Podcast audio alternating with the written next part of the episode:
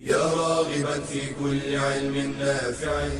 ينمو العلم ويتقدم بتقنياته ومجالاته ومعه نطور أدواتنا في تقديم العلم الشرعي.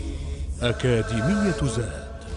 زاد أكاديمية ينبوعها. صاف صاف ليروي غلة الظمآن.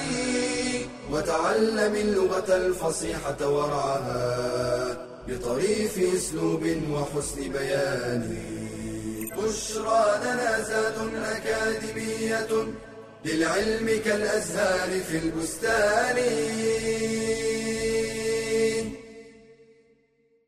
بسم الله الرحمن الرحيم. الحمد لله رب العالمين والصلاة والسلام على نبينا محمد وعلى آله وأصحابه أجمعين. أما بعد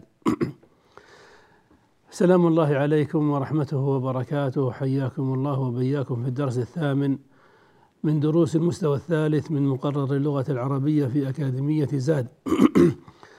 ونحن نشرح هذا الدرس في سنة أربعين وأربعمائة وألف. والكلام فيه موصول بما بدأناه في الدرس السابق عن المفعول به. إذ بقي في المفعول به مسألة وهي الكلام على حذفه وحذف العامل فيه وقد ذكرنا أول مسألة في الدرس السابق فقلنا إن المفعول به وكذلك العامل في المفعول به يدخل في الحكم العام في الحذف إذ كل ما كان معلوما يعني دل عليه دليل فإن حذفه جائز. فلهذا إذا دل على المفعول به دليل جاز حذفه. وكذلك العامل الناصب للمفعول به إذا دل عليه دليل جاز أن يحذف. فمن حذف المفعول به لوجود الدليل عليه أن تقول محمدا بل أن تقول أكرم لمن قال لك ماذا أفعل بمحمد. وقولك أكرم تعني أكرمه ولكنك حذفت المفعول به. وإذا قيل لك ماذا تفعل بالكتاب الذي عندك فقلت فقلت أقرأ. تعني أقرأه تعني أقرأه. فقد حذفت المفعول به أيضا. ومن ذلك شواهد كثيرة ذكرنا شيئا من منها في الدرس السابق كقوله سبحانه وتعالى عن نبيه محمد عليه الصلاة والسلام في قوله ما ودعك ربك وما قلى أي ما ودعك وما قلاك فحذف المفعول به مع قلى لدلالة المفعول به المذكور في ودعك. وكذلك في قوله ألم يجدك يتيما فآوى أي فآواك. فهذا حذف المفعول به. وأما حذف العامل في المفعول به فأن تقول محمدا في جواب من قال لك من أكرم. تعني أكرم محمدا فحذفت العامل وأبقيت المفعول به. وكقولك الكتاب لمن قال لك ماذا أقرأ تعني اقرأ الكتاب. ومن ذلك أيضا قوله سبحانه وتعالى ماذا أنزل ربكم؟ قالوا خيرا. أي قالوا أنزل خيرا فخيرا مفعول به والعامل فيه محذوف جوازا لدلالة قوله ماذا أنزل ربكم على هذا العامل المحذوف. ومن ذلك أيضا قوله سبحانه وتعالى ولوطا إذ قال لقومه أي واذكر لوطا ومن ذلك أيضا قوله تعالى ولسليمان الريح عاصفة. أي ولسليمان سخرنا الريح عاصفة.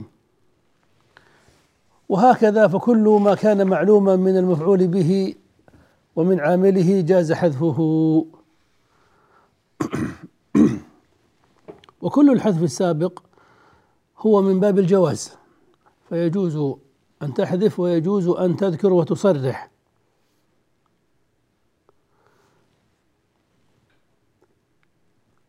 ويجب حذف العامل في المفعول به في مواضع. فمواضع وجوب الحذف هي التي يجب أن تستقصى وتعرف.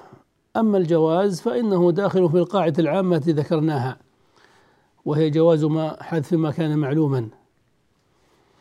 أما وجوب حذف العامل في المفعول به فله مواضع منها أبواب تذكر في النحو وينص على أن الفعل فيها واجب الحذف منها باب الاشتغال كما في قولك محمدا أكرمته لأن التقدير أكرمت محمدا أكرمته. ولكنك تقول محمدا أكرمته فمحمدا مفعول به لفعل محذوف دل عليه الفعل المتأخر المذكور.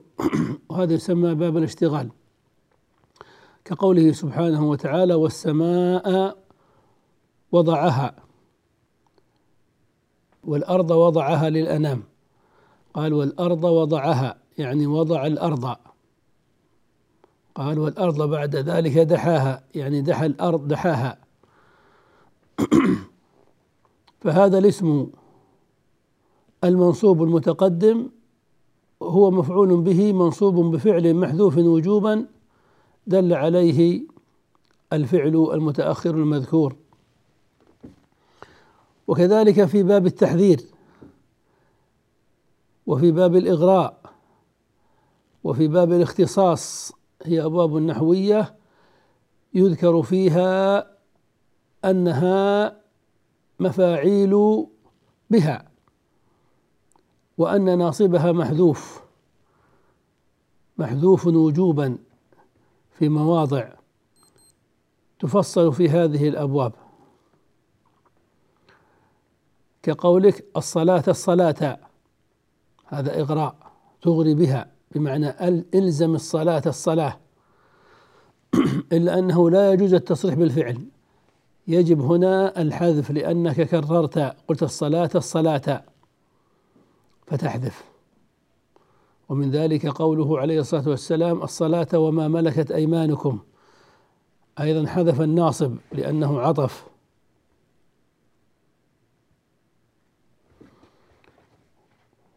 ومما يجب فيه حذف العامل الناصب للمفعول به.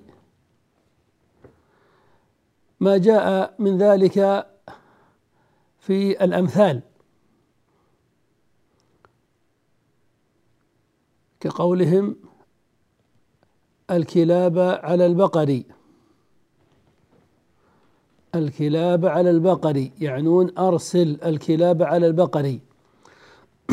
ومعلوم أن الأمثال لا تغير فلهذا وجب أن تقال كما هي بحذف الفعل الناصب للمفعول به فالخلاصة أن. أن المفعول به إن كان معلوما جاز حذفه وكذلك العامل الناصب للمفعول به إن جاز إن كان معلوما جاز حذفه إلا أن حذفه يجب في مواضع قليلة وقد ذكرنا أهمها.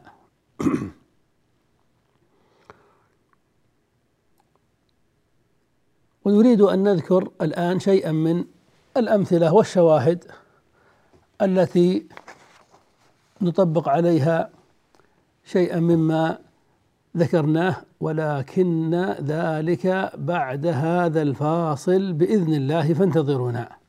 بشرى لنا زاد أكاديمية للعلم كالأزهار في البستان.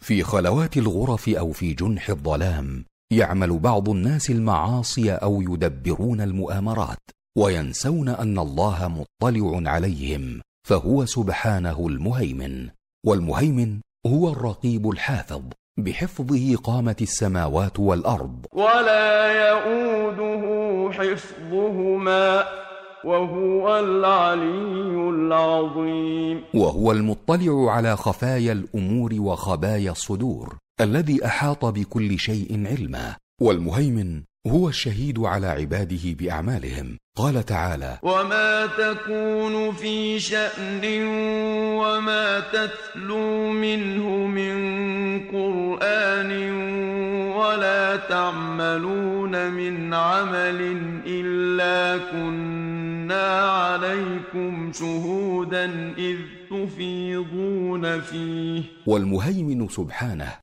هو القائم على خلقه بأعمالهم وأرزاقهم وآجالهم وإنما قيامه عليهم باطلاعه واستيلائه وحفظه. فمن علم أن الله هو المهيمن فليراقبه في سره وعلانيته وليستحي من نظر الله إليه. قال رجل لوهيب بن الورد عظني قال اتق أن يكون الله أهون الناظرين إليك. ومن أيقن أن الله هو المهيمن فليتوكل في كل أموره عليه وليفوض أمره إليه. فالمهيمن سبحانه نعم الحفيظ لعباده المؤمنين. قال تعالى الله لا إله إلا هو وعلى الله فليتوكل المؤمنون. بشرى لنا زاد أكاديمية للعلم كالأزهار في البستان. بسم الله الرحمن الرحيم. ننظر في هذه الأمثلة والشواهد ونطبق ما كنا درسناه من قبل عليها. قال سبحانه وتعالى وقيل للذين اتقوا ماذا أنزل ربكم؟ قالوا خيرا. هذه الآية شاهد على ماذا؟ شاهد على حذف العامل في المفعول به لأن التقدير قالوا أنزل خيرا فأبقى المفعول به المنصوب وحذف العامل الناصب للمفعول به. ومن الأمثلة قولهم إذا دعوت الجبان للنزال فهل يستطيع؟ أين المحذوف هنا؟ المحذوف المفعول المفعول به. في قولك فهل يستطيع؟ يعني فهل يستطيع ذلك؟ يعني فهل يستطيع النزال؟ فحذفت المفعول به لدلالة ما سبق عليه. فالحذف هنا جائز. وفي الآية السابقة أيضا حذف جائز. ومن ذلك قولك إذا سئلت عن أمر تجهله. لست أدري أو لا أدري. التقدير هنا لا أدريه أو لست أدريه. فحذفت المفعول به لدلالة السؤال عليه. ومن أمثال العرب قولهم حشفا وسوء كيلة.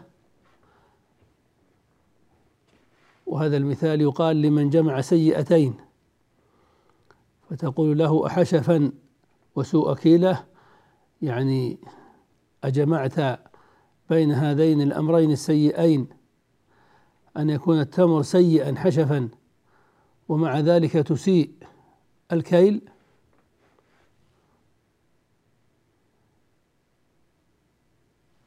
وهذا المثال من أمثلة العرب لا يغير. والتقدير أتجمع حشفا وسوء كيله. أتجمع هذا الفعل الناصب للمفعول به وحشفا مفعول به. فهذه بعض الأمثلة التي طبقنا عليها ما ذكرناه من حذف المفعول به وحذف العامل في المفعول به. وهذا هو آخر الكلام على المفعول به. لنتوكل على الله ثم ننتقل إلى المفعول الثاني من المفاعيل الخمسة وهو المفعول المطلق. المفعول المطلق. المفعول المطلق. المفعول المطلق في تعريفه سهل وواضح بل قد يكون أسهل المفاعيل أو من أسهل أبواب النحو. لأن المفعول المطلق هو المصدر المنصوب بعد فعله. هو المصدر المنصوب بعد فعله. وقولنا في التعريف المصدر يعني أن المفعول المطلق لا يكون إلا من المصادر. والمصادر نوع من أنواع الأسماء. إذا فالمفعول المطلق لا يكون من الأفعال ولا من الحروف ولا من الجمل ولا من أشباه الجمل. وإنما يكون من الأسماء فقط ولا يكون من جميع الأسماء وإنما يكون من نوع معين من الأسماء وهو وهو المصدر. فما المراد بالمصدر؟ المصدر هو التصريف الثالث للفعل. هو التصريف الثالث للفعل. فكل فعل يأتيك صرفه ثلاث تصريفات. تجد أن التصريف الأول هو الفعل الماضي والثاني الفعل المضارع والثالث هو المصدر. تقول ضرب يضرب ضربا فضرب فعل ماض ويضرب فعل مضارع وضربا هو المصدر. وتقول جلس يجلس جلوسا. وذهب يذهب ذهابا. انظر وتأمل. تجد أن المصادر تأتي على أوزان مختلفة ولكن العربي لا يكاد يخطئ في أوزان المصادر. فأوزان المصادر من الأشياء التي بقيت سليقة العرب فيها سليمة إلى حد كبير. تقول خرج يخرج خروجا. وأخرج يخرج اخراجا. وتخرج يتخرج تخرجا. واستخرج يستخرج استخراجا. انظر كيف يأتي المصدر مع فعله. هذا التصريف الثالث هو المصدر والمفعول المطلق لا يكون إلا من المصادر لكن ليس كل مصدر يكون مفعولا مطلقا لأن بقية التعريف يقول هو المصدر المنصوب بعد فعله فلا بد أن يكون هذا المصدر منصوبا ولا بد أن يقع بعد فعله. كقولك حفظت القرآن حفظا. فحفظا مصدر منصوب بعد فعله حفظ وتقول قرأت القرآن قراءة خاشعة. وفهمته فهما دقيقا. تقول جلس محمد جلوسا طويلا جلوسا أو جلس محمد جلوس المؤدب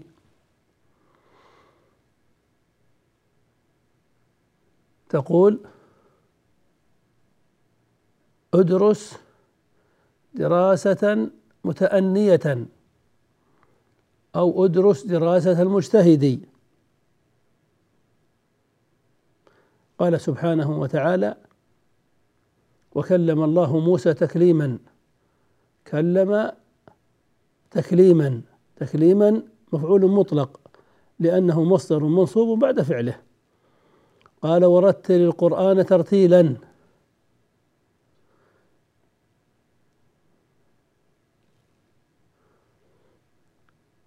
وقال وجاهدهم به جهادا كبيرا. جهادا. وهكذا. فالمفعول المطلق في تعريفه اللفظي سهل هو المصدر المنصوب بعد فعله.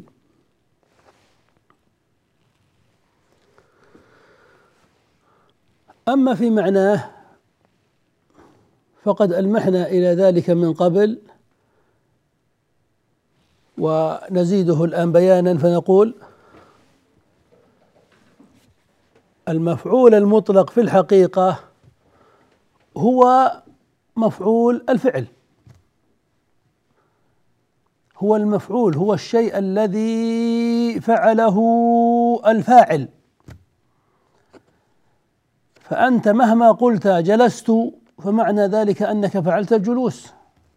جلست يعني جلست جلوسا لست جلست أكلا. ومهما قلت ذهبت يعني فعلت فعلت الذهاب. فالذهاب هو المفعول يعني الشيء الذي فعله من ذهب.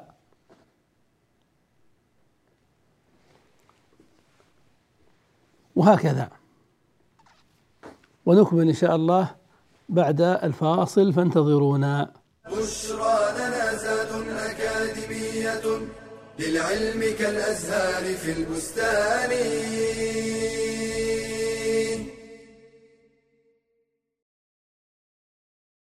قال تعالى ونبلوكم بالشر والخير فتنة وإلينا ترجعون.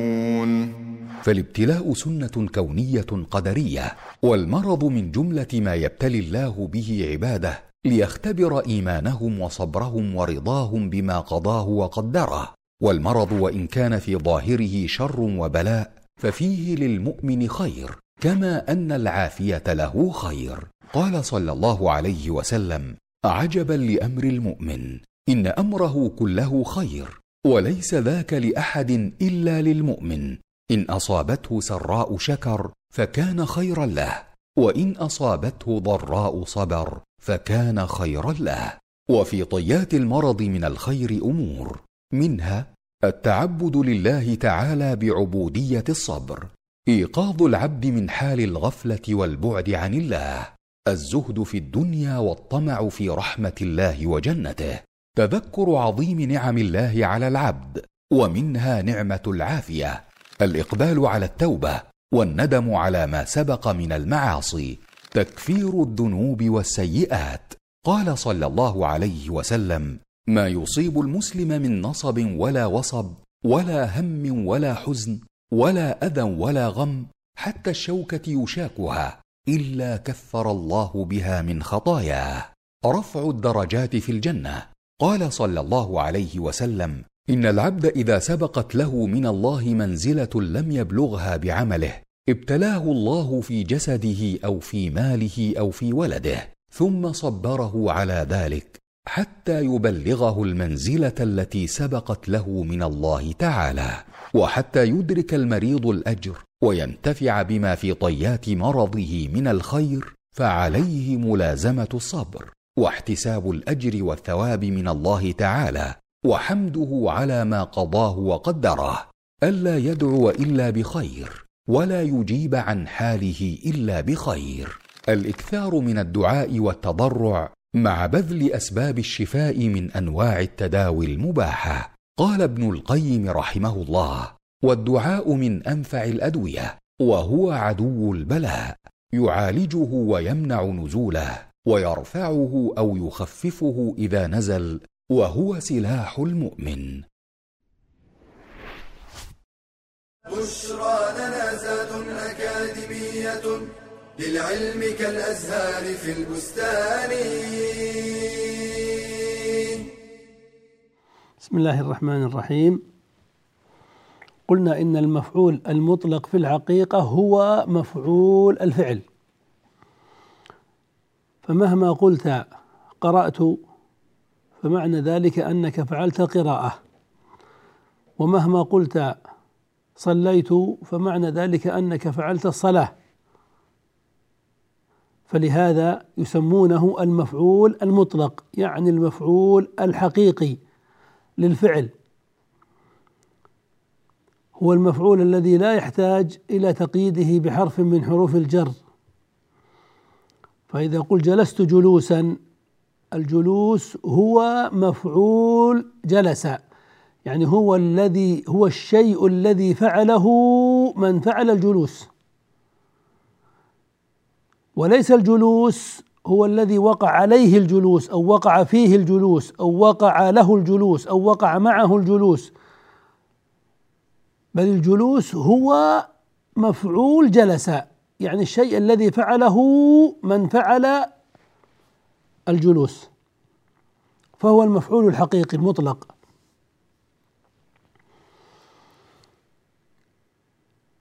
فإن قلت طيب فهمنا ذلك فهمنا أن المفعول المطلق هو المفعول الحقيقي للفعل فمعنى ذلك مهما قلت جلس يعني جلوسا ومهما قلت ضرب يعني ضربا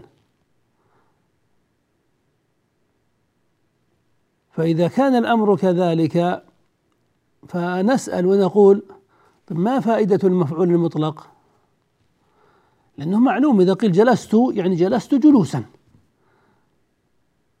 ما ما يفهم إنه جلست اكلا أو جلست ذهابا أو جلست جلست يعني جلوسا. طيب ما فائدة جلوسا حينئذ؟ ما الفائدة؟ في قوله تعالى وكلم الله موسى تكليما معلوم إنه كلم يعني كلمه تكليما. فما فائدة المفعول المطلق إذا كان هو هو الفعل؟ فالجواب عن ذلك أن نقول إن المفعول المطلق له فوائد له أغراض يقصد إليها المتكلم وهي على ثلاثة أنواع فوائد المفعول المطلق أو أغراضه بعضهم يقول أنواعه أو أقسامه. هي الفوائد والأغراض التي من أجلها يستعمل المتكلم المفعول المطلق. الفائدة الأولى بيان نوع الفعل. بيان نوع الفعل. فالفعل له أنواع كثيرة. وقولك مثلا مشى المشي. المشي أنواع كثيرة. فإذا قلت مشى محمد فقط يعني بينت فقط أنه فعل المشي لكن أي نوع من المشي فعله؟ ما تبين.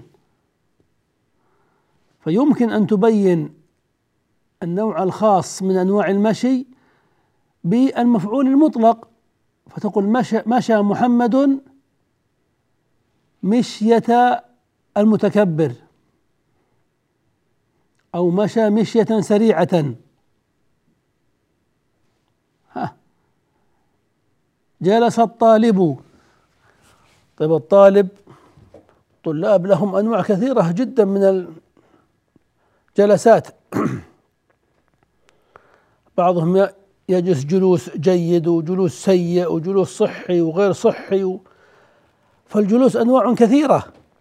فيمكن أن نبين نوع الفعل يعني نوع الفعل جلس بطرائق منها المفعول المطلق. فتقول جلس الطالب جلوسا صحيا أو جلس الطالب جلوسا طويلا أو جلس الطالب جلوس المتعلم أو جلس الطالب جلوس المؤدب فقولنا جلوسا صحيا أو جلوسا مؤدب هذا مفعول مطلق لكن فائدته بيان نوع الفعل. إذا فالمفعول المطلق يبين نوع الفعل إذا كان منعوتا موصوفا أو كان مضافا. إذا كان منعوتا أو كان مضافا. جلست جلوسا صحيا نعت. جلست جلوسا طويلا. أكلت أكلا كثيرا. قرأت قراءة خاشعة. أو أضفت المصدر. جلست جلوس المؤدب. أكلت أكل الجائع. قرأت قراءة الخاشع. فهذا هو الغرض الأول أو الفائدة الأولى. بيان نوع الفعل. متى إذا كان المصدر منعوتا أو مضافا. الفائدة الثانية للمفعول المطلق بيان عدد الفعل. بيان عدد الفعل. فأنت تقول جلس كم مرة فعلت الجلوس؟ انطلق كم مرة انطلقت؟ كتب الطالب كم مرة كتب؟ يعني الفعل قد يتعدد قد يكون له عدد تبين عدد الفعل بطرائق منها المفعول المطلق.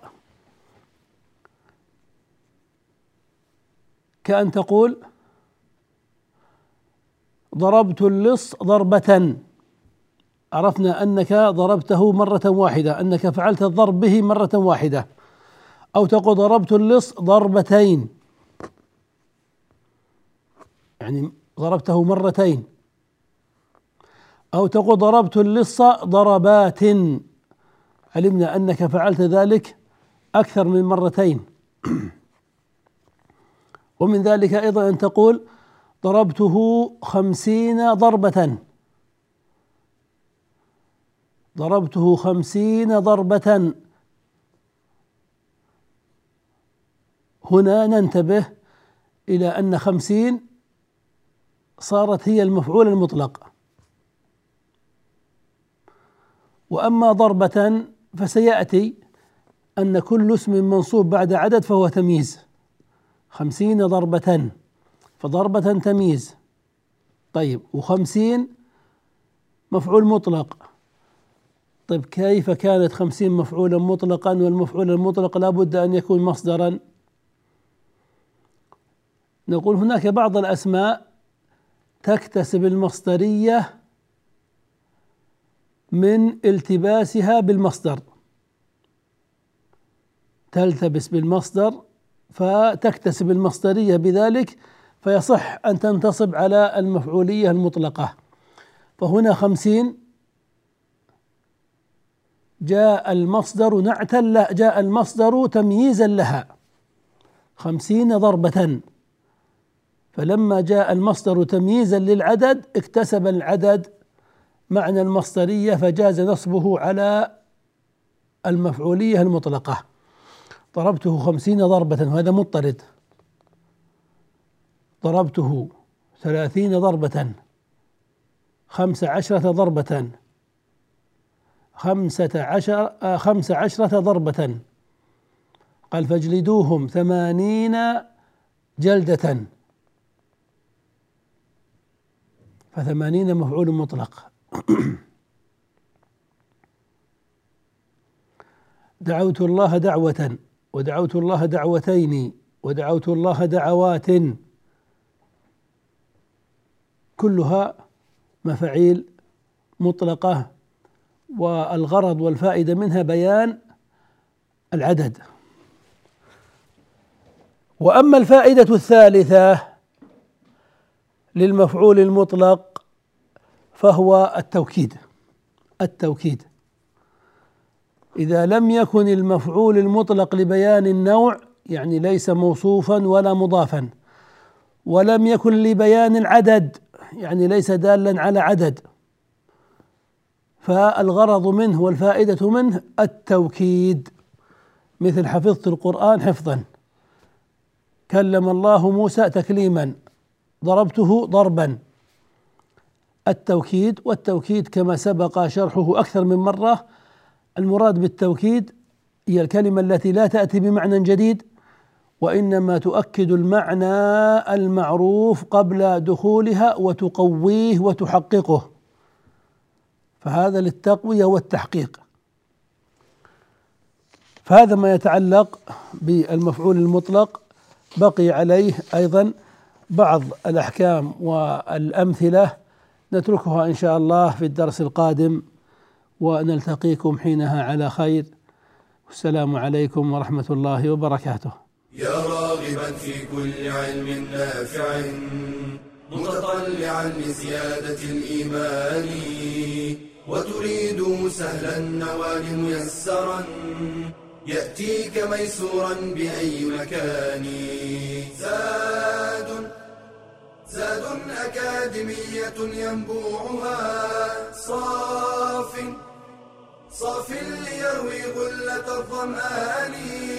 بشرى لنا بشرى لنا بشرى لنا زاد أكاديمية للعلم كالأزهار في البستان.